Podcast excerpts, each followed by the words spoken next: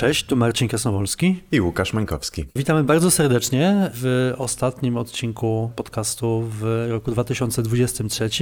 Kiedy nagrywamy te słowa jest koniec grudnia.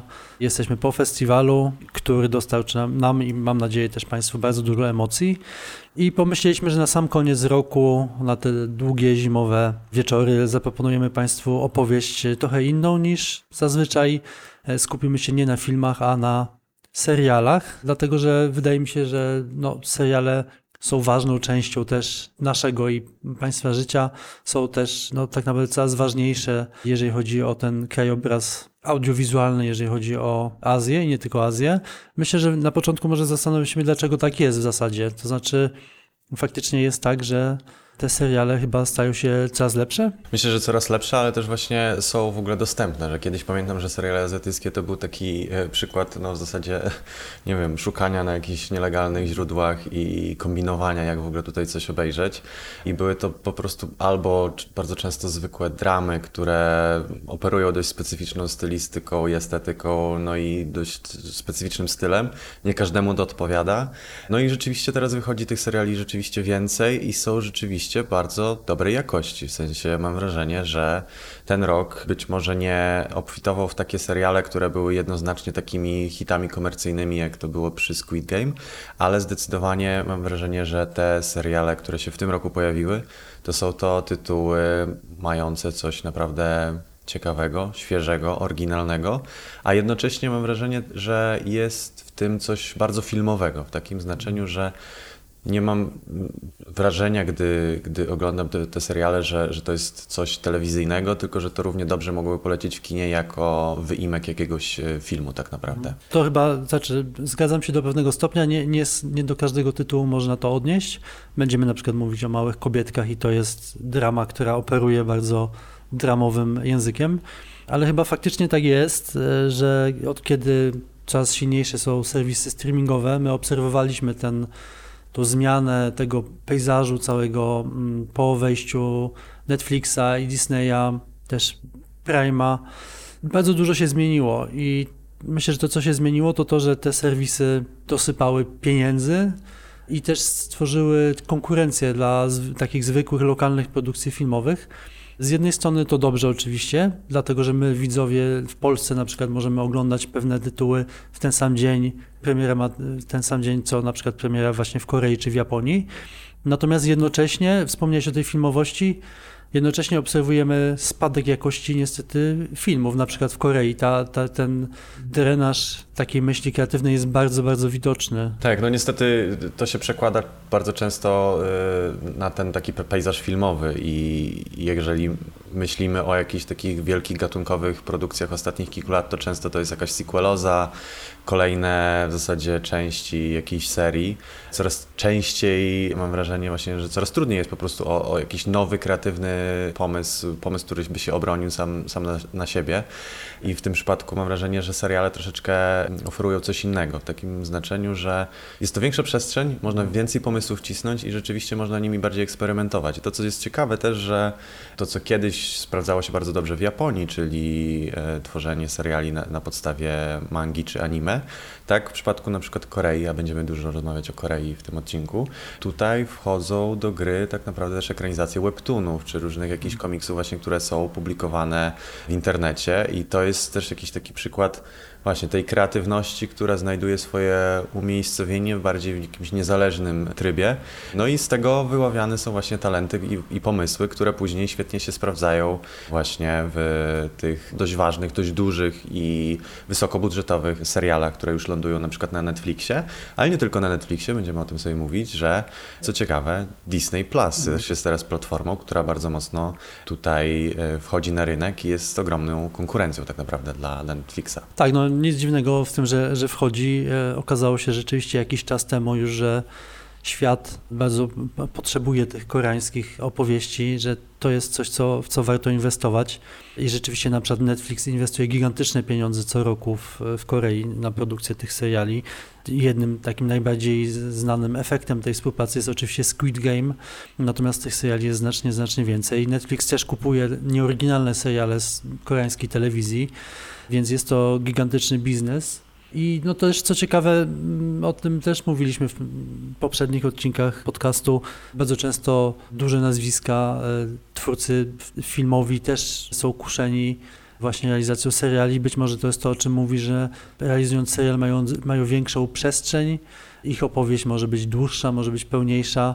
Także, no cóż, zanim przejdziemy do, do, do, konkretnych tytułów, myślę, że no, możemy Państwa zachęcić do tego, żeby w tym okresie właśnie na przykład świąteczno-noworocznym, ale też zimowym, kiedy jest mniej festiwali filmowych w Polsce, żeby się na tych serialach skupić, dlatego że tam się bardzo często kryją wspaniałe opowieści, które są no, wciągające oczywiście, ale też bardzo innowacyjne, jeżeli chodzi o zarówno formę, jak i treść. Tak, dla mnie jakimś takim odkryciem 2023 roku jest w ogóle myślenie też o, o postaci, jako właśnie takim, takim nie wiem, łączniku widowni z tą rzeczywistością, którą ch chcą poruszyć e, filmowcy.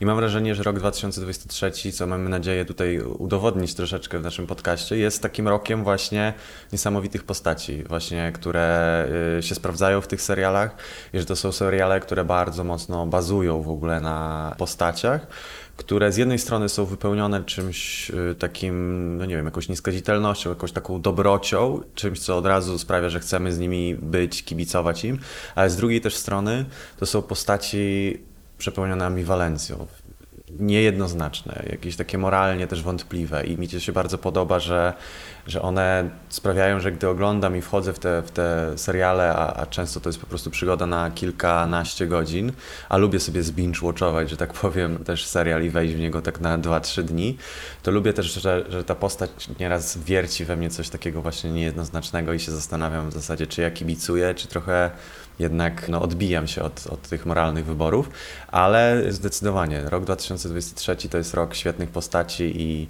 świetnego ludzkiego pierwiastka, takiego kawałka, prawdę, mocnego mięsa psychologicznego, charakterologicznego i tutaj szapoba dla tych wszystkich e, zdolnych scenarzystów i scenarzystek, którzy byli w stanie właśnie wytworzyć te postaci. No dobrze, tak, no to zacznijmy w takim razie przegląd e, tytułów i postaci. Pierwszy serial, znaczy od razu powiem, że nie jesteśmy, e, przez to, że głównie jednak koncentrujemy się na, na filmach, na, naszą pracą na co dzień jest e, selekcja e, filmów na festiwal, więc myślę, że jeżeli chodzi o ten właśnie ocean różnych dram i seriali, to to, co my oglądamy, to są takie naprawdę głośne tytuły, te największe, które faktycznie, o których jest, jest głośno, więc nie, nie, myślę, że jeżeli wśród naszych słuchaczy i słuchaczek są osoby, które są wkręcone mocno w dramy, to my nie odkryjemy niczego nowego, natomiast mówimy o tytułach, które są znane, ale też myślę są bardzo nietuzinkowe i też to, co jakby dyskusja wokół nich nie tylko w Korei była bardzo, bardzo szeroka i głęboka, więc zaczniemy od serialu, który taką dyskusję wywołał właśnie nie tylko w Korei Niezwykła Prawniczka Wu. To jest y, serial, który miał premierę w, jeszcze w 2022 roku, ale chyba mało który serial koreański w ogóle miał taki oddźwięk i dyskusja o nim dotyczyła nie tylko samego serialu, ale po prostu no, przedstawiania bohaterki, który jest bardzo innowacyjny i bardzo też odświeżający, bardzo odważny jednocześnie. Tak, y, mowa tutaj o postaci, która jest w spektrum autyzmu, więc mamy od razu tak naprawdę też postać, która jest reprezentacją jakiejś neuroatypowości, czyli tematu, który tak naprawdę coraz więcej w ogóle e, w kinie nie tylko azjatyckim, ale w kinie w ogóle dostaje miejsca i to jest też taki spo, inny sposób właśnie rozumienia tego, tego zagadnienia i inny sposób e, portretowania tych postaci. Tutaj mamy, tak jak tytuł nam mówi, e, dość, dość taką prostą historię młodej prawniczki, która jest z początku swojej kariery, zaczyna pracę w jednej z najważniejszych kancelarii w Seulu, e, zwanej Hambada i to jest taka kancelaria, która zwykle reprezentuje albo bardzo, bardzo bogatych i, i, i ważnych klientów, albo dość takie nietypowe i skomplikowane sprawy, które które, nad którymi pracuje cała ekipa pro bono. No i właśnie mamy naszą główną bohaterkę, Wu Jung-woo, e, czytany w obie strony tak samo, jak bardzo często podkreśla. No i jest ona osobą spektrum e, autyzmu, ale także ma dość ważny dla całej historii i przebiegu tej, tej historii background. Nie będę zdradzał o co tutaj chodzi, żeby, żeby na jakichś, na własnych warunkach trochę się zapoznać z tą historią. No a z takich jeszcze fiksacji, ciekawostek o niej, no to, to, to w kontekście jakby też jej e, obsesji prawem i i, tym, że jest, jest wybitną prawniczką i jest geniuszką w zasadzie i jest świetna w tym, co robi. Ma pamięć fotograficzną, tak jak wiele, wiele w sumie osób w kinie tak naprawdę też mają, które są reprezentowane, w, w, jeżeli chodzi o, o spektrum autyzmu. To jeszcze w przypadku Wu Jung mamy do czynienia z osobą, która ma obsesję na punkcie wielorybów i, i, i poprzez wieloryby bardzo często wyjaśnia pewne kwestie związane właśnie z jej odkryciami w jakichś lukach w prawie i tak dalej. No i to, co jest ciekawe, że właśnie ta historia jest też bardzo dramowa, w takim znaczeniu, że te wątki z prawem, tych wszystkich spraw i te, te takie jakieś niuanse związane z dynamiką kancelaryjną mieszają się tutaj z wątkami romantycznymi. I tak jak to zwykle w dramach bywa, tych wątków jest dużo i one są bardzo często takie urocze, cheesy, w taki nienachalny sposób. I to, co jest też bardzo ciekawe, że w tym filmie jest bardzo dużo też takiego dydaktyzmu wokół sytuacji codziennej, w zasadzie jakiejś takiej dynamiki, w którą uwikłana jest Wu Jung-woo, która wprost nieraz tłumaczy specyfikę działania jej mózgu i, i, może się to wydać troszeczkę takie nachalne i jakby sztuczne, ale mam wrażenie, że jest to tak dość w ciekawy sposób wplecione w tę historię, że, że ta dydaktyczna część tego e, serialu jest bardzo ważna o tym, co, o czym powiedziałeś wcześniej, że on rzeczywiście wywołał sporą dyskusję w Korei, bo to jest, trzeba sobie powiedzieć też jasno, temat neuroatypowości, czy w ogóle niepełnosprawności, jeżeli myślimy o tym troszeczkę szerzej, e, jest w Korei bardzo mocno dalej interpretowany przez pryzmat jakiegoś wstydu. No i niewiele jest tak naprawdę też filmów, które pokazują, czy to osoby neuroatypowe, czy osoby z niepełnosprawnościami. No i tutaj to jest ważne, że ten e, serial to podejmuje, chociaż nie jest to dokumentalna wizja osoby, to nie jest y, jeden do jeden oddanie tego, jak taka osoba funkcjonuje w społeczeństwie czy w środowisku jakimś swoim natywnym, tylko jest to pewnego rodzaju no, fantazja. Mamy do czynienia z dramą, która w jakiś sposób fantazjuje i pokazuje rzeczywistość taką, żeby troszeczkę się oderwać, ale jednocześnie pokazuje też coś nowego dla czy to w ogóle telewizji koreańskiej, czy dla filmu koreańskiego w ogóle. Tak, myślę, że, że duża zasługa, sukces tej, tej dramy w dużej mierze wyrasta też z samej roli. Główną bohaterkę zagrała Pak Yu Bin. I to jest no, aktorka, która jest słynna z, właśnie z, głównie z dram i seriali. Ona też się pojawia czasami w filmach, ale jednak bardzo rzadko i myślę, że ona tą postać no, nasączyła jakąś taką no, czymś takim niezwykłym rzeczywiście, jakimś ciepłem, słodyczą.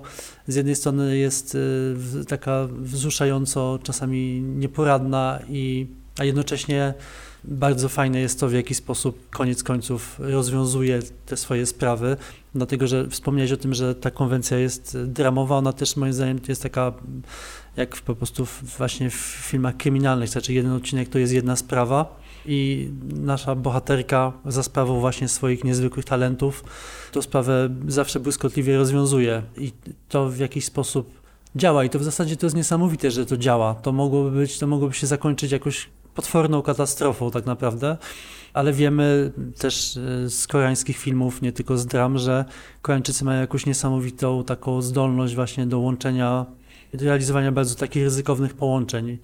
Więc z jednej strony mamy ten dydaktyzm rzeczywiście, o którym y, mówisz, skupienie się na, na autyzmie bohaterki, a jednocześnie no, mamy taką właśnie kryminalne zagadki. Jest to niesamowite. Znaczy, wydaje mi się, że jeżeli powstanie amerykański remake, a być może powstanie, bo ten serial był także dosyć głośno komentowany właśnie w Stanach Zjednoczonych, to, że to będzie ryzykowne i może nie wyjść. Natomiast w tym przypadku tej konwencji dramowej to wszystko niesamowicie działa i rzeczywiście jest to imponujące. Tak, ja od razu sobie pomyślałem też o serialu w garniturach z kolei, w którym główny bohater tam też miał podobny talent, w sensie miał pamięć fotograficzną, oczywiście nie był, nie był, nie był postacią y, ukazaną przez pryzmat spektrum autyzmu, ale y, tam, i tam zupełnie o co innego chodziło, ale z drugiej strony właśnie mamy pokazanie osoby, która jest spektrum i jednocześnie pokazanie geniuszki prawa. Zwykle te osoby, które są geniuszami, geniuszkami, to są osoby, które są związane, nie wiem, z jakąś, z naukami ścisłymi, mm. z jakąś, przez pryzmat technologii i ich wkładu w to, a tutaj jednak mamy tą kwestię właśnie związaną z prawem. To, co jest też ważne, że ta niepełnosprawność, czy, czy w ogóle spektrum autyzmu pojawia się tutaj nie tylko przez pryzmat tej głównej postaci, ale też wprowadzanie wątków właśnie innych osób z, ze spektrum. to też jest bardzo ważne, bo e, pokazuje też zróżnicowanie e, samego spektrum, jak, e, jak też pod, pod kątem tego, w jaki sposób społeczeństwo traktuje te osoby, w, jakich, w ogóle w jakim miejscu one są aktualnie w kontekście jakichś dyskusji. I dlatego myślę też to, co jest ważne pod kątem tego, co ten serial wniósł do Korei, bo w Stanach on był popularny, ale myślę, że pod kątem jakiejś dyskusji nad, nad spektrum i nad autyzmem w ogóle to nie był zbyt jakoś może wnikliwy głos, y, czy jakiś przełomowy, ale w kontekście Korei on był zdecydowanie przełomowy ze względu na to, że zwykle, tak jak już wspomniałem troszeczkę, ta, ta, ta neuroatypowość, ona była zwykle traktowana przez pryzmat jakiejś dziwności, inności. Sam zresztą tytuł tego filmu y, po koreańsku, on nie wskazuje na extraordinary, czyli niezwykłość, tylko raczej dziwność, że to jest dziwna prawniczka y, Wu, więc to jest też samo w sobie pokazujące, w jaki sposób się podchodzi do tego typu właśnie, nazwijmy to w jakiś sposób, mniejszości ze społecznej, ale ta dziwność, nazwijmy to w ten sposób, y, Wu Jung-Wu rzeczywiście nadaje tej historii jakiegoś rozpędu, bo obserwowanie jej szczególności w tym kontekście już zawodowym sprawia taki nadaje, y, mam wrażenie, jakiegoś takiego, daje jej dużo sprawczości, w sensie ona się bardzo mocno nieraz męczy i nieraz walczy z tą rzeczywistością, ale e, potrafi sobie coś naprawdę wywalczyć i jednocześnie ma ten serial jakiś taki ogromny ładunek takiego poczciwego feel good, że po prostu mhm. daje to e, naprawdę mnóstwo jakiejś takiej e, dopaminy w tym, że no, kibicujemy bohaterce, która ma bardzo dużo podgórkę, a jednocześnie jest w stanie wywalczyć sobie miejsce w, w tej rzeczywistości, która no, pierwotnie jest dla niej bardzo, bardzo wroga. Zgadza się, także jeżeli nie widzieliście jeszcze tego serialu, to, to polecamy, dlatego że jest z jednej strony jest właśnie e, taki, potrafi ogrzać serca, e, a z drugiej strony też e, daje dużo do myślenia i rzeczywiście jest serialem, o którym się dużo dyskutowało. Kolejny serial, tak się składa, że chyba większość seriali, o których będziemy dzisiaj mówić, koncentruje się na postaciach kobiecych. To nie jest też e, przypadek. Wydaje mi się, że to, to jest jakiś znak czasów, który nas oczywiście cieszy, że ta reprezentacja się zmienia. Dziewczyna w masce to też jest serial, o którym było dosyć głośno. On pojawia się na listach najlepszych seriali koreańskich tego roku. W sumie nic dziwnego chyba, że, że tak się spotkał się z takim dobrym przyjęciem, dlatego że jego twórcą jest Kim Jong-hon, czyli reżyser Bestii na krawędzi, e, filmu, który pokazywaliśmy, znakomitego filmu, no takiego filmu noir. Jest to adaptacja webtoonu i film e, bardzo ciekawy, bardzo mroczny i taki mocny, e, który oprócz tego, że ma naprawdę niezwykle wciągającą fabułę, to też jest serialem, który porusza ważne społecznie tematy w Korei, tak bym powiedział. Tak, zdecydowanie. I mam wrażenie, że porusza te tematy y, w taki chyba najbardziej filmowy sposób z tych wszystkich seriali, które będziemy tutaj rozbierać na części pierwsze. Dziewczyna w masce to po raz kolejny historia właśnie e, o pewnej, pewnej dziewczynie, jak tytuł mówi. I jest to historia zjawiska, można powiedzieć, który się określa mianem lukizmu, czyli jakiejś takiej obsesji związanej właśnie z wyglądem. W tym przypadku tutaj e, ten wygląd jest od razu przypisany e, do twarzy, która w ogóle pełni bardzo dużą funkcję, taką też i symboliczną e, w społeczeństwach, w społeczeństwie czy koreańskim, czy nawet japońskim, w ogóle społeczeństwa, które są też konfucjańskie. Bardzo się często mówi o utracie twarzy. Tutaj jest to motyw twarzy, który jest e, bardzo mocno sprzężony właśnie z, z wyglądem i z tym, co ta twarz reprezentuje, jak, jak bardzo w ogóle wygląd determinuje twoje, Twoją pozycję, szansę w ogóle na sukces e, w społeczeństwie. No i główną bohaterką jest dziewczyna, która e, pracuje w korporacji. Po raz kolejny mamy, podobnie jak zresztą w, w Pragniczce Wu, wejście w jakiś taki mikrokosmos dynamiki korporacyjnej. Tym przypadku jest to duża firma, ona pełni jakieś takie bardzo gdzieś tam stanowisko na, na uboczu, no a nocą zmienia się jak niczym superbohaterka w streamerkę. Streamerkę gdzieś tam na pograniczu jakiegoś takiego e, soft erotycznego tańca, nakłada maskę i ten, w ten sposób dorabia sobie na boku i zarabia w zasadzie na tym, że, że tańczy często w dość skąpym e, stroju, czerpiąc w zasadzie na takim no, fenomenie właśnie streamingu. Wchodzi też w interakcję z osobami, które jej e, bardzo dużo pieniędzy wysyłają w postaci jakichś takich internetowych walut, no ale cały czas zostaje anonimowa i jednocześnie ma bardzo duży kompleks na temat swojego wyglądu e, i wokół tego całkowicie jest w zasadzie osnuta historia e, filmu, czyli wokół właśnie wyglądu, twarzy, seksualizacji w ogóle tego wyglądu i tego, jaka jest pozycja aktualnie e, kobiet w społeczeństwie koreańskim, właśnie w kontekście tego, co powiedziałem, czyli tego motywu lukizmu. Tak, no to jest, y, to jest historia, która z takiego właśnie z tego punktu wyjścia, o którym wspomniałeś, ta intryga się bardzo szybko zagęszcza i eskaluje. E, o tym nie będziemy opowiadać, dlatego że warto wejść w tą historię. Ona też jest zresztą opowiadana z różnych perspektyw kolejnych bohaterów tej historii. I no jest, to, jest to faktycznie no, historia, która właśnie bardzo szybko staje się dramatyczna i dosyć dosyć mocna, tak jak wspomniałeś, też bardzo filmowa tak naprawdę. To jest serial, który, w który widać było, że włożono bardzo dużo pracy w to, żeby był to serial, który jest piękny, bardzo wystylizowany i widać, znać tutaj jakby właśnie rękę e, twórcy e, filmowego, który prawdopodobnie dostał właśnie spory budżet e, i mógł swoją wizję rozwinąć. Także jest to nie tylko wciągająca historia i ważny temat, ale także takie dzieło sztuki tak naprawdę, które warto podziwiać. No i warto też myślę wspomnieć, że, że jak już myślimy o tych takich powiązaniach tego serialu z filmem, że on może przypominać jakiś taki styl i, i kontekst właśnie tego nowego kina koreańskiego, które znamy, które lubimy, czy uwielbiamy wręcz, szczególnie pod kątem tego, że jest to serial w dużej mierze traktujący o zemście na wielu płaszczyznach. Tutaj nie ma tak naprawdę jednej zemsty, tylko tak jak powiedziałeś, jest wiele postaci i tak naprawdę każda z tych postaci ma jakiś swój, swój tutaj motor napędowy i pędzi w stronę tej zemsty.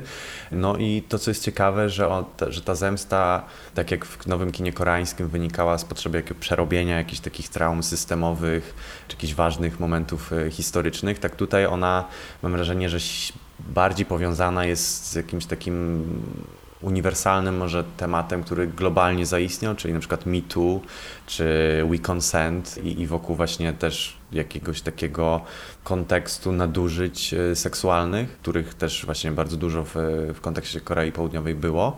No a chyba najbardziej mi się ten serial skojarzył z Panią Zemstą e, i tym, no nie, chcę, nie chcę mówić dlaczego, bo to trochę będzie spoiler, ale, e, ale jakiegoś takiego może procesu e, resocjalizacji, który, który się wiąże w, tym, w, obu, w obu tych historiach.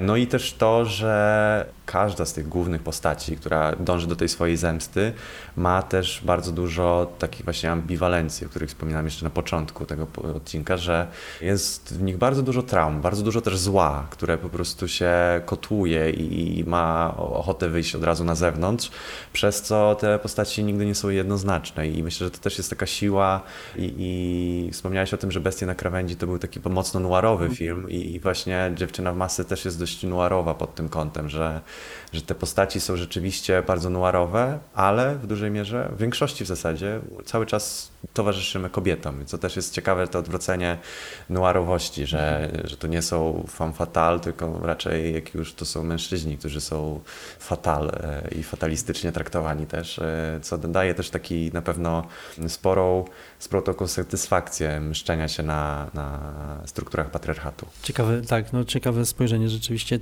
tak jest. E, jeszcze jeden serial z kobietami w rolach głównych. Niektórzy uważają, że jest to w ogóle najważniejszy serial koreański w historii telewizji. To jest serial Małe Kobietki. On jest dostępny na Netflixie, natomiast oryginalnie leciał, był jakby zrealizowany przez e, jeden z e, koreańskich kanałów telewizyjnych. Sam tytuł nawiązuje do mm, tytułu powieści Louisy May Alcott. Nie przypadkowo e, jest to, można powiedzieć, serial, który gdzieś tam wykorzystuje wątki tej powieści. To, co powinno nas od razu zelektryzować, kiedy myślimy o tym serialu, to to, że jego scenarzystką jest Jong Se-kyung, czyli twórczyni, o której mówiliśmy nieraz y, w naszym podcaście. Jest to scenarzystka Park Chan-woka, czyli to jest ta, ta mm, twórczyni, która tak naprawdę stoi za sukcesa, największymi sukcesami tego reżysera. Ona oczywiście w kontekście filmów e, Park Chan-woka rzadko bardzo się pojawia. Mało kto wie o tym, że ona właśnie pisze te filmy. Natomiast e, w tym przypadku to tylko ona jest jedyną scenarzystką, jest to jej wielki triumf dramowy, dlatego że ten serial spotkał się ze świetnym przyjęciem, e, ale także no, uchodzi za niezwykłe takie osiągnięcie artystyczne. I to jest y, dlatego ciekawe jest taki, nie wiem jak Łukasz dobrze znasz dramy koreańskie, ale jest taka konwencja, która się nazywa Makjang i to jest y, no, rodzaj opery mydlanej, czyli serial, który tak naprawdę wychodzi właśnie z jakiegoś takiego bardzo zwyczajnego punktu wyjścia i bardzo szybko eskaluje tworząc jakieś takie konstrukty piętrowe, które sprawiają, że bohaterowie gdzieś tam wpadają w jakąś taką niezwykłą intrygę, bardzo skomplikowaną i zdecydowanie większą niż życie. Tutaj tak jest też. Y, bohaterkami tego serialu są trzy siostry, które są każda jest trochę inna, y, są w różnym wieku, wszystkie, oczywiście każda z nich jest bardzo piękna, natomiast są ubogie i mieszkają w takim mieszkanku, które jest no, ubogie i takie dosyć zagracone, jednocześnie jest oczywiście bardzo czyste, bo to jest konwencja dramy. Mieszkają z, z, matką, która okazuje się bardzo szybko, że jest wyrodną matką i znika dosyć szybko. I to pierwsze, tak jakby, jeżeli się zestawi ujęcie, właśnie pierwsze, pierwszą sekwencję pierwszego odcinka z ostatnią sekwencją pierwszego odcinka, no to to tam, nie wiem, w niecałą godzinę rzeczywiście te siostry po prostu z, z, tej kuchni, w której siedzą i wspólnie e, o czymś rozmawiają, okazuje się, że ta intryga, w którą zostają wyrzucone, jest naprawdę bardzo gruba i to jest tylko jeden odcinek, a w każdym kolejnym odcinku ta intryga jeszcze pęcznieje i rośnie i naprawdę rzuca bohaterki w bardzo różne, że tak powiem, e, sytuacje to jest konwencja, którą trzeba przyjąć. To znaczy, mm, trochę tak jest, że trzeba zawiesić niewiarę, trzeba, myślę, że dla osoby, która wcześniej nie spotkała się z operami takimi właśnie mydlanymi koreańskimi, będzie to coś, co będzie trudne na początku do przełknięcia, natomiast właśnie po takim zmrużeniu oczu myślę, że ten serial może y, tylko jakby dać dużo radości, ja chciałem się ciebie na przykład spytać w ogóle, co jest w tym e, serialu na przykład ze stylu filmowego John Suk-young? Czy jest coś takiego, co na przykład łączy ten serial z filmami Park Chan-wooka? Dobre pytanie. To znaczy na pewno to i to jest ważne i to jest też to, co sprawia, że ten serial jest przełomowy, to to, że bohaterki są silnymi postaciami, są zdecydowanie podmiotami, a nie przedmiotami i e, są jakby, mają moc sprawczą. Jak rozumiem, tak jak mówię, ja, ja dużo dram koreańskiej nie oglądam, ale jest to dosyć nietypowe spojrzenie właśnie w telewizji koreańskiej, że są to postaci, które mają swoje marzenia. Te marzenia nie zawsze są jakby w 100% etyczne. Tak jak wspomniałeś, są to postaci wielowymiarowe właśnie. Natomiast e, są one w stanie zrobić bardzo dużo, żeby te marzenia spełnić. A jednocześnie jest to serial, który pokazuje, i tutaj znowu mamy odniesienie do nowego kina koreańskiego i do tego, e, z czego to kino tak naprawdę słynie, to taka dosyć ponura diagnoza tego koreańskiego społeczeństwa. Wiemy, że Korea odniosła niezwykły sukces ekonomiczny. Kojarzy nam się Korea z, no, tak naprawdę z bogatym narodem, ale wiadomo, że te nierówności tam są bardzo głębokie i wiemy też o tym z filmów tak naprawdę. No, wiadomo, Parasite to jest e, myślę film, który nam też sformatował myślenie o, o narodzie koreańskim. Tutaj te nierówności są też bardzo widoczne i nawet powtarzają się pewne motywy właśnie z, z Parasite bym powiedział, to znaczy na przykład pojawia się motyw, kiedy, kiedy bohaterka, jedna z sióstr wchodzi w posiadanie większej sumy pieniędzy, kupuje sobie perfumy, o których zawsze marzyła, na które nie było ją stać.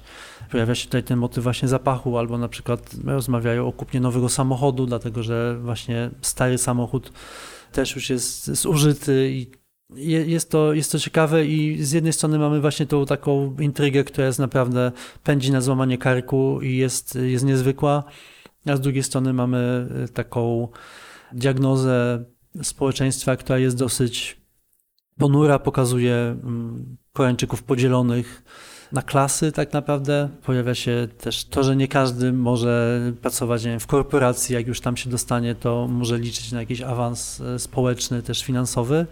Także myślę, że to jest bardzo ciekawe i no jest, to, jest to ważny e, serial. Rzeczywiście, e, odpowiadając na Twoje pytanie, też widać, że scenarzystka, że to nie jest tuzinkowa postać, widać, że jest to wybitna autorka i mm, to zresztą nie jest jej pierwsza drama, ale, ale bardzo ciekawe jest to, że że ona jednocześnie pisze filmy i jest w stanie napisać taki 12-odcinkowy serial i, i robi to naprawdę na niezwykłym poziomie, wchodząc też w tą konwencję tej szalonej dramy, tej, tego McJunk. No jest to, jest to jakiś nieprzeciętny talent. Ja sobie nie wyobrażam, szczerze mówiąc, żeby scenarzystka na przykład filmów hollywoodzkich jednocześnie była w stanie zrealizować jakąś taką soap operę, która będzie na wysokim poziomie artystycznym. Także to jest y, bardzo ciekawe i zachęcam wszystkich do, do oglądania Małych Kobietek, bo jest to serial nieprzeciętny. To jest ciekawe w sumie, bo, bo Park Chan-wook też ma w sobie czasami te momenty takiej opery mydlanej y, i to rzeczywiście jest, jest gdzieś tam obecne czasami w, w Cyborgu czy w nawet służąca w jakimś stopniu wykorzystuje te motywy, ale nigdy o tym nie, nie myślałem. Rzeczywiście jest coś y, w tym, że ona czerpie z takiego, można powiedzieć, jakiegoś kiczu i kampu koreańskiego, ale potrafi wynieść to do jakiejś takiej wyrafinowanej formy. Tak, no chyba w Podejrzanej też to było widoczne. Tak, jest tak, to tak, opowieść tak. miłosna koniec końców i przypuszczam, że to jest właśnie jej zasługa, a nie Parczanuka, że te motywy tam się pojawiały. Myślę, że jest to szalenie ciekawa postać i ona zdecydowanie zasługuje na, na to, żeby ludzie wiedzieli, że to ona stoi za sukcesem filmów Parczanuka. Fajnie, że pisze też seriale, w których jest jedyną autorką. Kolejny serial, któremu chcieliśmy się przyjrzeć, e, to kolejny też serial poświęcony kobietom e, i w tym przypadku z Korei przechodzimy na moment do Japonii i opowiemy o serialu Makanai e, w kuchni domu Maiko, czyli pierwszym serialu Hirokazu Koreedy. Wspominaliśmy o tym, że właśnie forma serialu coraz częściej zaprasza też tych znanych i już zasłużonych artystów. No i tą formą też skusił się Hirokazu Koreeda, którego znamy przede wszystkim przez pryzmat jego opowieści o, o cieple rodzinnym, o jakimś takim przedefiniowywaniu relacji rodzinnych, ale też spojrzeniu na, na dzieci, na perspektywę dziecięcą. I co ciekawe, w tym samym roku, czyli w 2023, Koreda wypuścił film Monster, który jest o relacji dwójki chłopców, o, o relacji też ich ze szkołą, z systemem szkolnym i tak dalej. A przed Monster i to jest też w sumie ciekawe, bo ten serial nie jest aż tak bardzo popularny i jakoś nie, nie, nie był mocno nagłośniony, a jest bardzo, bardzo dobry moim zdaniem i jest dużo nieoczywistości w nim. To jest historia o dwóch dziewczynach, które decydują się opuścić rodzinne Aomori na północy Japonii i wyruszają do Kyoto, na zachód Japonii, żeby uczyć się na Maiko. Maiko to są takie właściwie uczennice, które mają zostać później geiko, Gejko z kolei to są osoby tańczące, śpiewające, powszechnie uznawane za gejsze, z tym, że gejko to jest termin określany głównie na zachodzie w Japonii, czyli na przykład w Kyoto, więc gejko można powiedzieć, że są gejszami w uproszczeniu, ale jest to serial, który troszeczkę z tym takim stereotypowym wizerunkiem gejsz y, stara się polemizować, szczególnie z tym, który wypracował niestety szkodliwie e, na przykład wyznanie gejszy. I tak jak wspominaliśmy już wcześniej o tych różnych koreańskich japońskich serialach. Ten też jest na podstawie e, akurat nie webtuna, ale na podstawie bestsellerowej mangi autorstwa Aiko Koyamy, które oczywiście Koreda tam troszeczkę podkręca różnymi e, dramaturgicznymi elementami, ale jest to dość wierne odzorowanie tej, tej dramy. I co też jest ważne, ten serial Koreda zrealizował też jako taką formę swojego projektu, którą od niedawno realizuje, projektu mentorskiego, po to, żeby też promować nowych, młodych artystów. Więc pierwsze dwa epizody są autorstwa Koredy, później są zrealizowane pod jego przewodnictwem, czyli mamy trzech tak naprawdę reżyserów, którzy razem z nim to realizują. Wszystko jest sygnowane podpisem Koredy, ale chodzi tu też o to, żeby właśnie stworzyć przestrzeń dla młodych twórców, którzy mogą się realizować, mają swoje pomysły, no i też Koreda jest świadomy tego, że młodzi niektórzy potrafią w ogóle inaczej pojmować medium filmowe niż e, ta stara gwardia, więc to też jest ważny dla niego w ogóle projekt. No i o czym jest to serial? W ogóle Makanai to jest taki, takie sformułowanie wokół e, właśnie takiej e, pani, która zwykle mieszka razem z tymi Majko w jednym domu, ich matronkami i gotuje dla nich. No i te dwie dziewczyny, jak przyjeżdżają do Kyoto, to okazuje się, że jedna jest świetna w tym, co chce robić, czyli ma talent i predyspozycję do tego, żeby tańczyć, śpiewać i, i właśnie występować w tych tradycyjnych sztukach. Druga wręcz przeciwna, jest troszeczkę nieco kanciasta w tym wszystkim, co, co dla niej zaplanowano w, w Kyoto. I zamiast Maiko zostaje właśnie tą tytułową Makanai-san i w domu Saku zaczyna właśnie codziennie przygotowywać posiłki dla grupki tych e, Majko i ich matronek. No i w zasadzie to jest historia, mam wrażenie, o jedzeniu i o tym, jak jedzenie jest często sposobem w ogóle komunikowania się, językiem komunikowania się i jak wiele w ogóle można wyrazić za pomocą jedzenia, co jest bardzo często też elementem takim nieodłącznym poetyki Hirokazu Koreedy, ale też to był motyw, od którego w ogóle zaczęło się myślenie Koreedy o tym, o tym projekcie, że chciał po prostu zrobić serial o jedzeniu, ale jednocześnie zaczął bardzo mocno zgłębiać ten świat Geiko i Maiko w Kyoto, w, tej, tej tradycyjnej dzielnicy Gion i zafascynował się po prostu tym, na czym właśnie polega dynamika tych wszystkich osób, które są uwikłane w ten, w ten proces uczenia się, nauczania. E, no i też zafascynował się tym, jakie jest miejsce właśnie tej tradycji, e, tych e, tradycyjnych wystąpień pośród tego modernizującego się świata, bo, bo jednak trochę on zanika, a z drugiej strony jest bardzo ważnym elementem pewnej lokalnej dynamiki, chociażby właśnie tej dzielnicy Kyoto. No i to, co jest bardzo też ważne w przypadku Koreedy, i to nie tylko w kontekście tego filmu, że e, tego serialu, ale też w wielu jego innych filmach możemy to zaobserwować, że jest bardzo dużo jakiejś takiej dojrzałości w portretowaniu szczególnie tych młodych postaci. W Monster pokazywał bardzo dużo jakiegoś takiego spojrzenia właśnie na, na młodych chłopaków, którzy mają jakąś taką też relację naznaczoną ambiwalencją, nie do końca wiemy, jaka jest ich relacja, ale było mnóstwo wrażliwości, mnóstwo jakiegoś takiej, takiego empatycznego spojrzenia i to samo jest tutaj.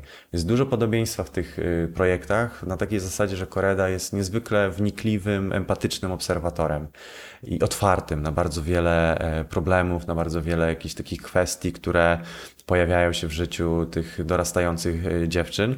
Tak jak w Monster było bardzo dużo wokół jakiegoś takiego poczucia braterstwa, tak tutaj jest mocny nacisk na siostrzeństwo i to jest dla mnie jakby też piorunujące, w jaki sposób Koreda jest po prostu w stanie tak wnikliwy sposób portretować tę dynamikę.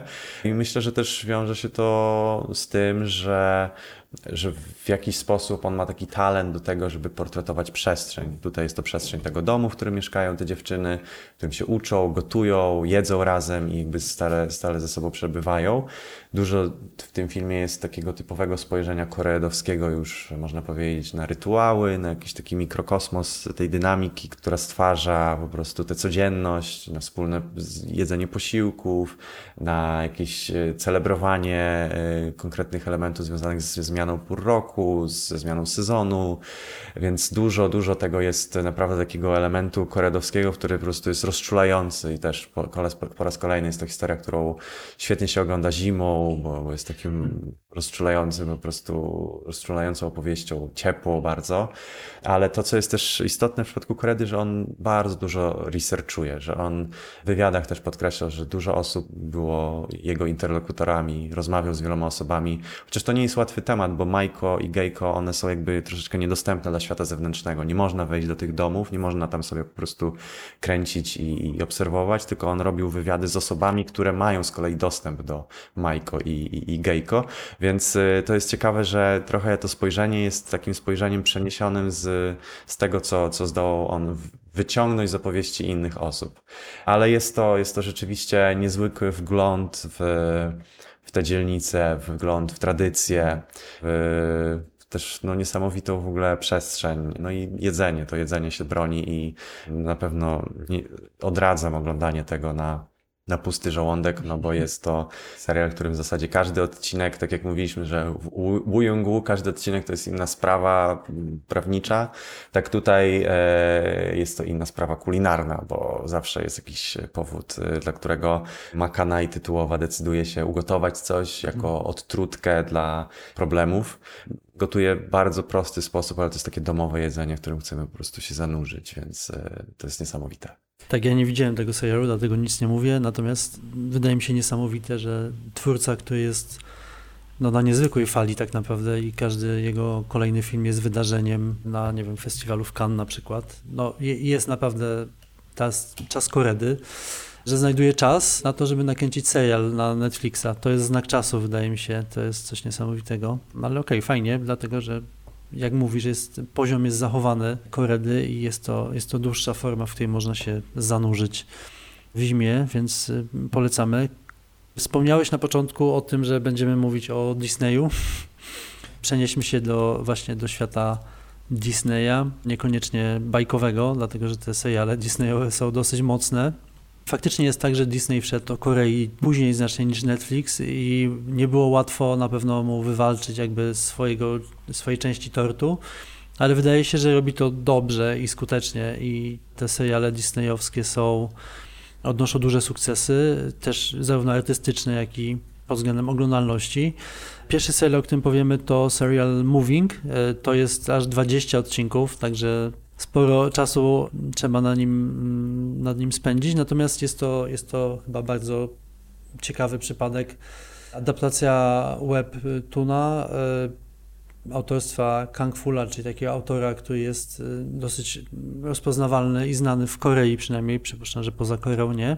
I jednocześnie on został zaproszony do tego, żeby napisać cały serial, wszystkie 20 odcinków e, co jest e, dosyć niesamowite. No i to, co jest e, w tym ciekawe i co nie wiem, dla mnie było na przykład na początku przeszkodą, żeby zacząć ten serial. Jest to wariacja na, na temat kina superbohaterskiego, którego osobiście nie, nie, nie znoszę. Natomiast tutaj ten temat został potraktowany w bardzo ciekawy i dosyć innowacyjny sposób. Też bez, jest to dosyć e, mocny serial, brutalny, z dużą ilością takich efektownych scen akcji i dla mnie to już jest wystarczająca zachęta, żeby go zacząć oglądać i oglądać. Ja miałem podobnie, e, chociaż mam słabość pewną do serialu Herosi, czyli Heroes z 2006 roku, który kiedyś oglądałem z dużym takim no, oczekiwaniem.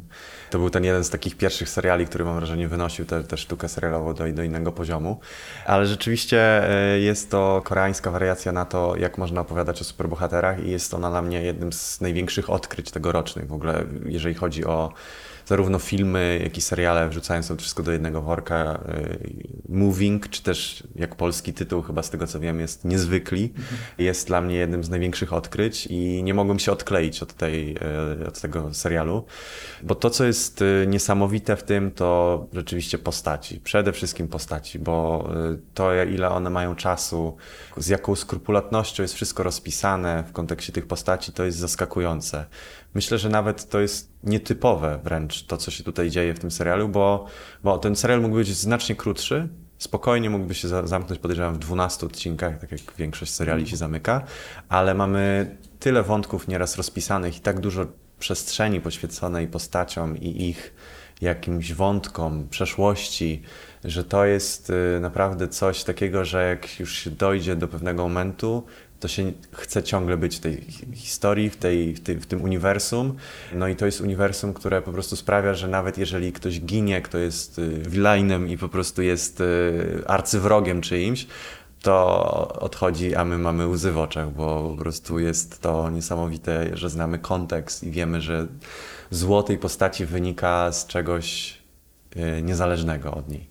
To, co jest ciekawe, że właśnie mówimy o Disneyu, czyli jakimś takim stereotypowo możemy myśleć sobie o jakiejś takiej dość kolorowej estetyce i o jakimś takim podejściu, no nie wiem, e, bardzo takim wypoziomowanym, bezpiecznym, wyprofilowanym. Tak tutaj nic bardziej mylnego. Moving jest serialem, który jest bardzo brutalny, jest e, jednocześnie bardzo dramowy, przez to też eklektyczny, ale e, jest to serial, który zaskakuje swoją jakąś taką dosłownością, wyblakłością, jest też bardzo ponury. Mam wrażenie, że znacznie bliżej temu serialowi do Oldboya niż do czegokolwiek, co by Disney wypuścił. Dużo brutalności, dużo scen walki, e, dużo pogruchotanych połamanych kości, które się później zrastają, bo takie są supermoce tych bohaterów, ale też to jest serial o ogromnym poziomie realizacyjnym. Dużo sekwencji walk, akcji, od takich mikroskali, którą można właśnie porównać do Oldboya i tej słynnej sekwencji bijatyki z młotkiem jednej postaci przeciwko kilkudziesięciu osobom. Tak tutaj też są podobne sceny, też nakręcone właśnie w długich mastershotach, po takie sceny akcji, które są wręcz scenami wojennymi, w których mamy bardzo szeroki plan, kilkadziesiąt postaci zaangażowanych i jakiś takim szturmem podbijających jakąś przestrzeń. Niesamowite, jak właśnie jest, jest bardzo dużo różnych, różnych naprawdę motywów tutaj i sposobów realizacyjnych y, skrzętnie wtłoczonych w tę narrację, co jednoznacznie pokazuje, jak było dużo jakiejś takiej wolności twórczej, swobody też takiej eksperymentalnej, że to jest objawienie na, e, na, na, tym gruncie serialowym, ale też takie objawienie, które mam wrażenie, że sprawi, że ten serial będzie takim przyszłym kultowym klasykiem. Tylko potrzebuje, mam wrażenie, też czasu, żeby ludzie w pełni się mogli nim nasycić i poznać tę historię, więc tym bardziej zachęcamy. To, co dla mnie, tak jak powiedziałem na początku, jest najważniejsze tutaj, to są postaci. To jest taki przykład takiej narracji myriadowej, że po prostu mamy rozgałęzienie i, i te postaci poznajemy na początku y, młodych, uczących się w szkole, a później pokazana jest przestrzeń rodziców tego pokolenia młodych superbohaterów i wejście w przeszłość. Przeszłość, która też się wiąże z jakimiś uwikłaniami politycznymi, historią Korei, jakimiś takimi traumami narodowymi, które tutaj też wybrzmiewają bardzo mocno, przez co jest jakiś taki dodatkowy ładunek tej historii. No ale to też jest ważne, że każda z tych historii, z tych, z tych postaci otrzymuje swój background i, i ten background poznajemy bardzo dobrze. I to, co się wydaje na przykład bardzo klarowne, jednoznaczne na jakiejś płaszczyźnie teraźniejszej w kontekście tych postaci młodych, później zostaje bardzo mocno zwłącone w tym, w tym kontekście już taki, tych wątków z przeszłości i być może to się wydać naprawdę zbyt rozlazłe, bo czasami te niektóre wątki bardzo długo się rozwijają, ale gdy to już się zepnie w całość, te szczegóły naprawdę w pewnym momencie klikają bardzo mocno i, i cała kulminacja finału przynosi bardzo mocny ładunek emocjonalny.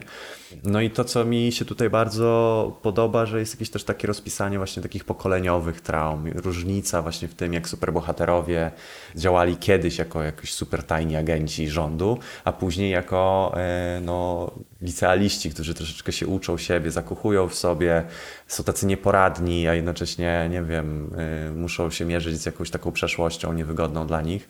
Dużo jest jakichś wątpliwości w nich, trosk, przez co ten właśnie element dramowy tutaj ma szansę wybrzmieć i, to jest bardzo fajne samo w sobie, że mamy na, naprawdę jakieś takie relacje, które typowe są dla koreańskich dram, ale tutaj, czy, czy też jakiejś takiej ekspresji komiksowej, ale tutaj są y, rozpisane w taki sposób, że, że mają jeszcze ten właśnie, te podglebie takie super bohaterskie, przez to no, naprawdę świetnie się to ogląda. Więc mamy też y, takie, takie zderzenie codzienności superbohaterów, superbohaterów na emeryturze, z tym, że sobie nie radzą trochę z rzeczywistością, że prowadzą jakąś taką knajpę w nieporadny sposób, więc, więc jest dużo takich też wątków.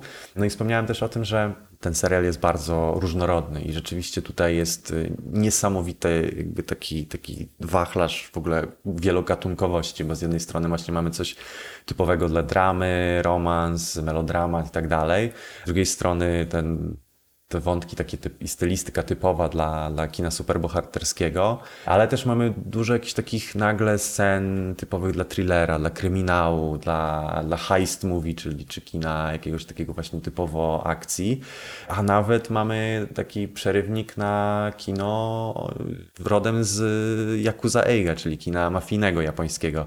Więc to mam wrażenie, że bardzo mocno jest odświeżające podejście. Właśnie to, że twórcy nie bali się łączyć tych zupełnie zupełnie eklektycznych y, motywów, tych eklektycznych gatunków, które tutaj świetnie wybrzmiewają. To jest, to jest moim zdaniem absolutna perełka pod tym kątem, bo to moving moim zdaniem nie jest o tym, że się postaci poruszają, tylko poruszają nas jakoś emocjonalnie, że, że to jest unikat pośród kina superbohaterskiego. Oczywiście takie kino też istniało, bo Watchmen też było troszeczkę takie o tym, że, że coś, coś ukazywało, taką nieoczywistą stronę tych superbohaterów, ale tutaj ta, ta nieoczywista strona jest też ukazana przez pryzmat jakiejś takiej właśnie cheesy dramy, że superbohaterskość troszeczkę nie jest y, momentami o, o ich supermocach, tylko o tym, co co się składa na ich relacje, na to, w jaki sposób radzą sobie z rzeczywistością, jakąś, no, że są dla siebie empatyczni i tak dalej. Więc pod tym kątem dla mnie to jest naprawdę odkrycie.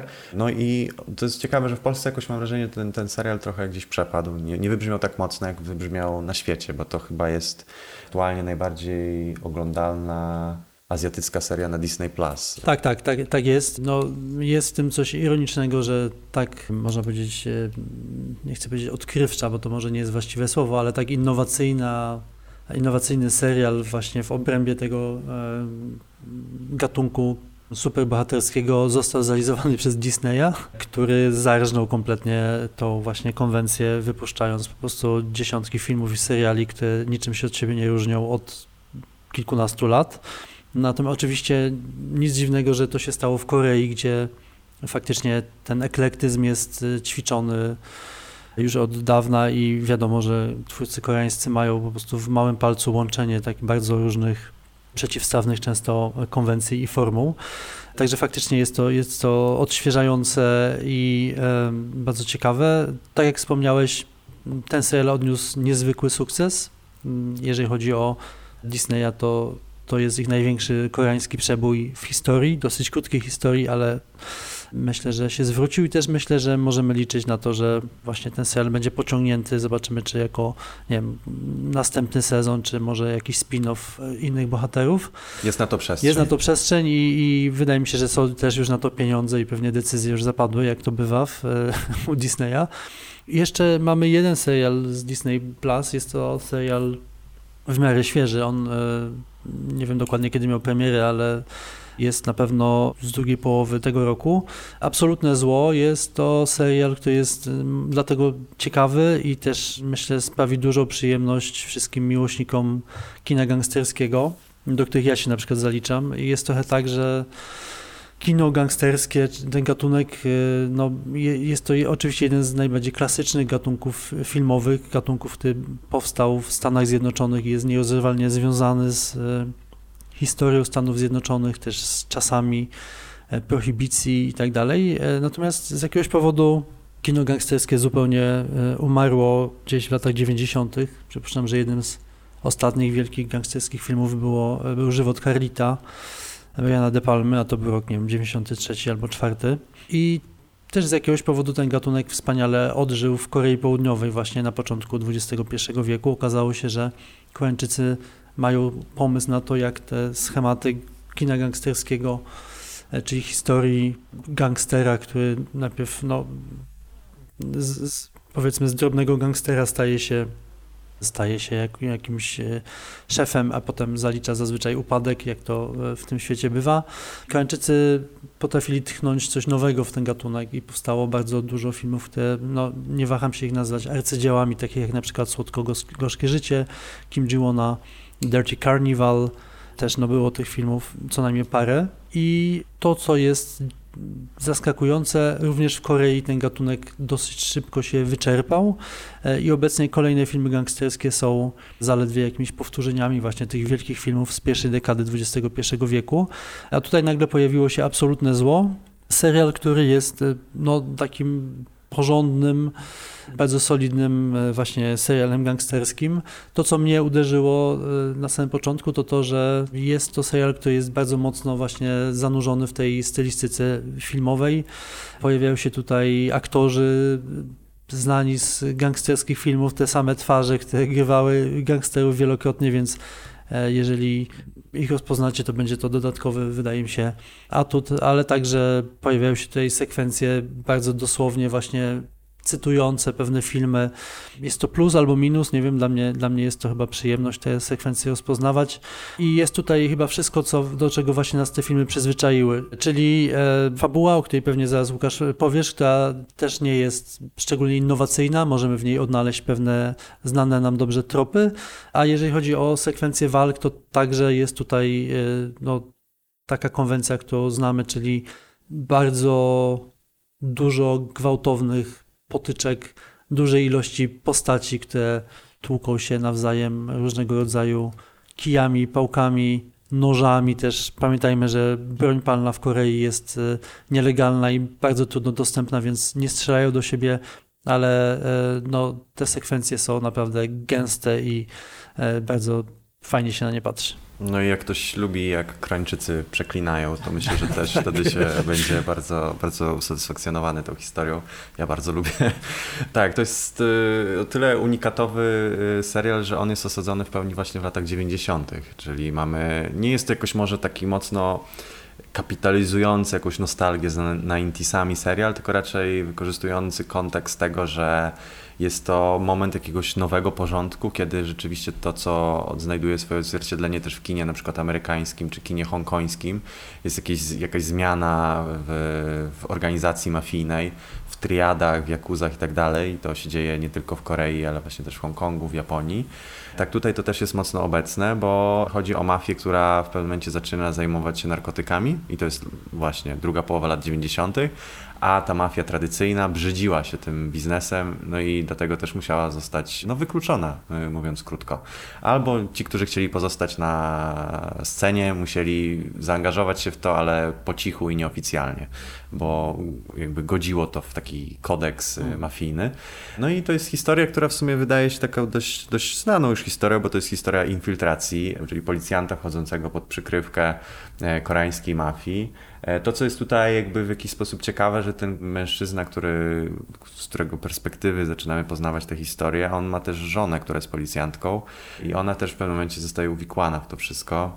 Więc to jest jakiś taki element, który napędza to wszystko i te intrygi się w jakiś taki ciekawy sposób nawarstwiają i rzeczywiście tych intryg jest bardzo dużo, ale y, jest to bardzo ciekawe, że mamy właśnie obraz mafijności, który od samego początku jest pokazany przez pryzmat też jakiegoś takiego wchodzenia do tych struktur. Mamy jednego ambitnego, bardzo aspirującego młodego chłopaka, który dość szybko wchodzi w ten świat i dość szybko staje się gdzieś na szczycie tego świata który, no właśnie, jak już w pewnym momencie on jest na szczycie, no to trzeba też wyjść poza Koreę, więc mamy też taki krajobraz y, lat 90., międzymafijny, można powiedzieć, pomiędzy Japonią i Chinami. I to jest bardzo ciekawe, że właśnie jest w dużym stopniu pokazany jakiś taka, taki kodeks jakuzów, jak to ma się względem na przykład Japonii, y, względem Korei albo Chin jak te mafie ze sobą dialogują i czego od siebie wymagają, czego od siebie potrzebują tak naprawdę.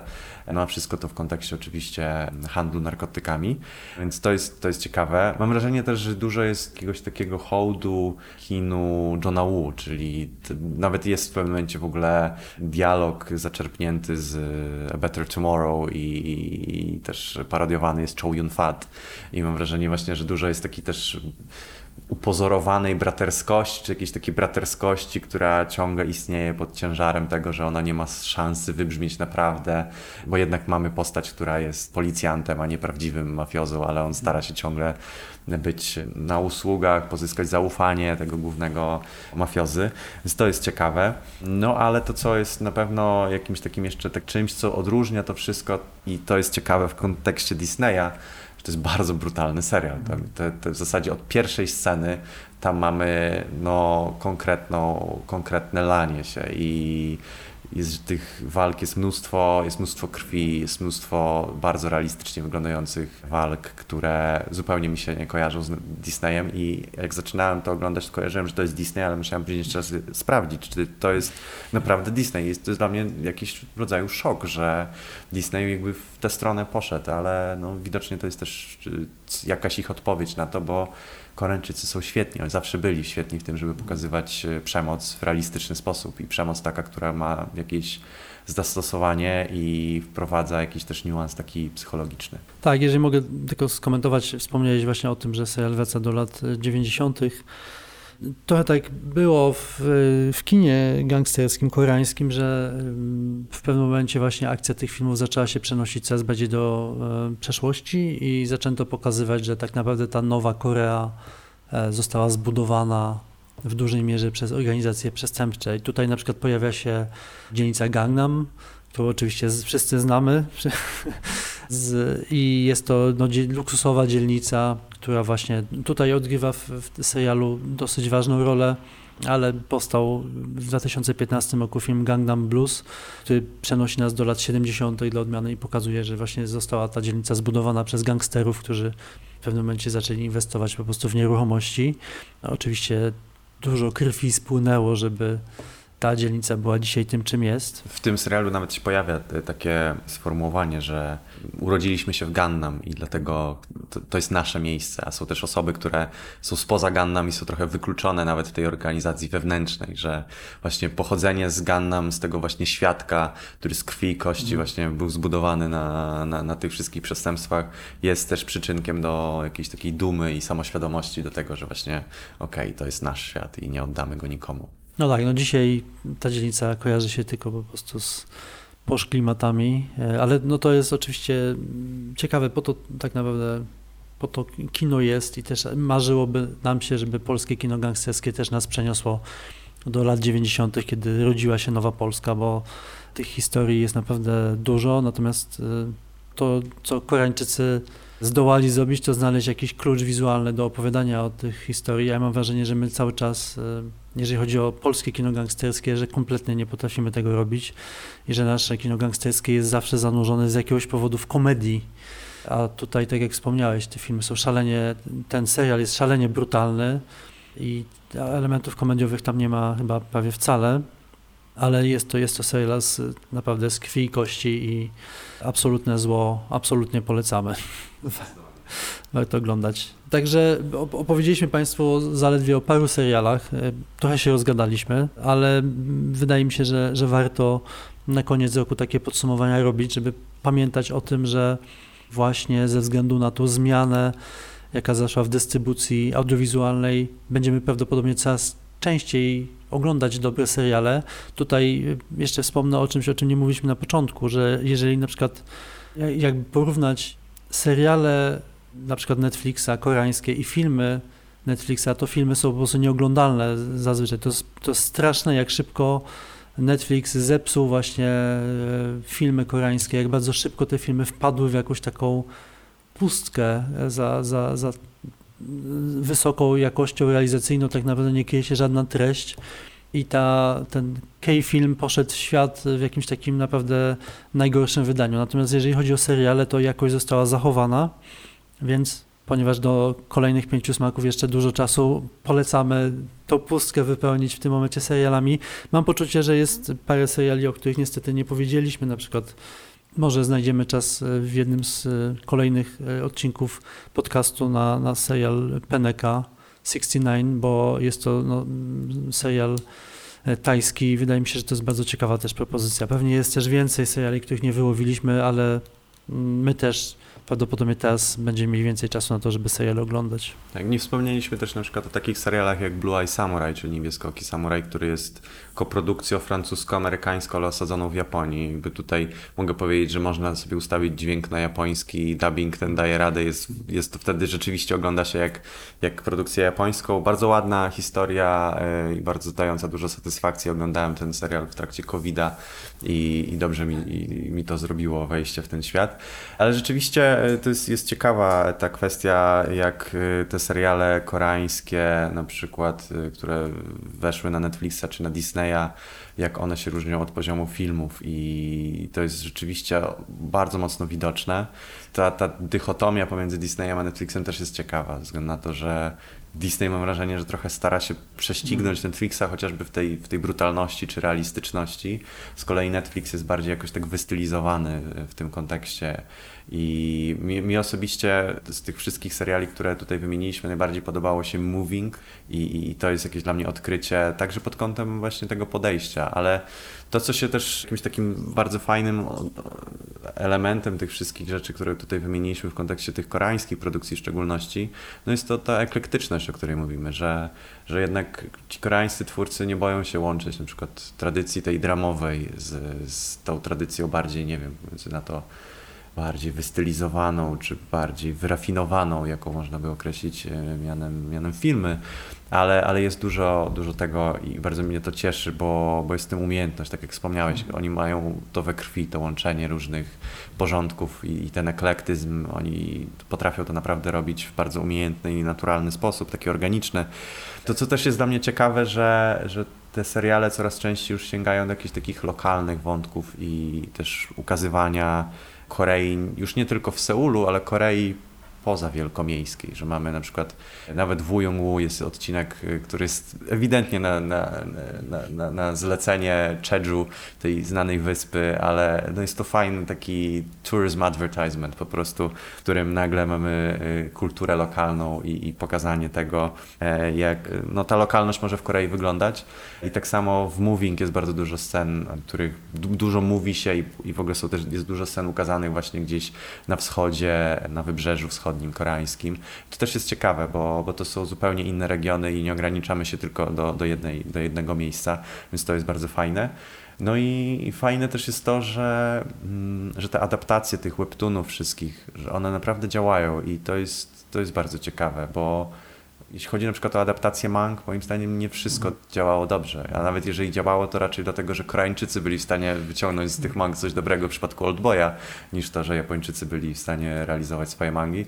Więc to mnie cieszy, bo jakoś ten, jest jeszcze jakieś tchnienie w ten, ten, tę branżę kreatywną i ta kreatywność jest wyciągana z tych webtoonów w bardzo, bardzo fajny sposób. Tak, no ja myślę, że będziemy, będziemy obserwować na pewno streaming, e, dlatego że jest to, no jak już wspomnieliśmy, coraz większa część właśnie produkcji w Azji. Pojawiają się też dosyć niepokojące informacje, że na przykład Netflix w Indiach e, zaczął się e, układać z rządem indyjskim, który jak wiemy jest mocno prawicowy i też ważne jest dla niego prezentowanie pewnej wizji kraju, która nie zawsze jest zgodna z rzeczywistością. Wiemy, że obecnie Netflix już zgodził się na cenzurowanie seriali, które, indyjskich seriali, które są pokazywane na świecie e, i jest to o tyle niepokojące, że jest to dosyć bezprecedensowe, to znaczy w historii swojej Netflix parokrotnie się uginał właśnie w Azji, jeżeli chodzi o cenzurę, ale to były jakieś pojedyncze odcinki, jakieś pojedyncze wątki, natomiast w tym przypadku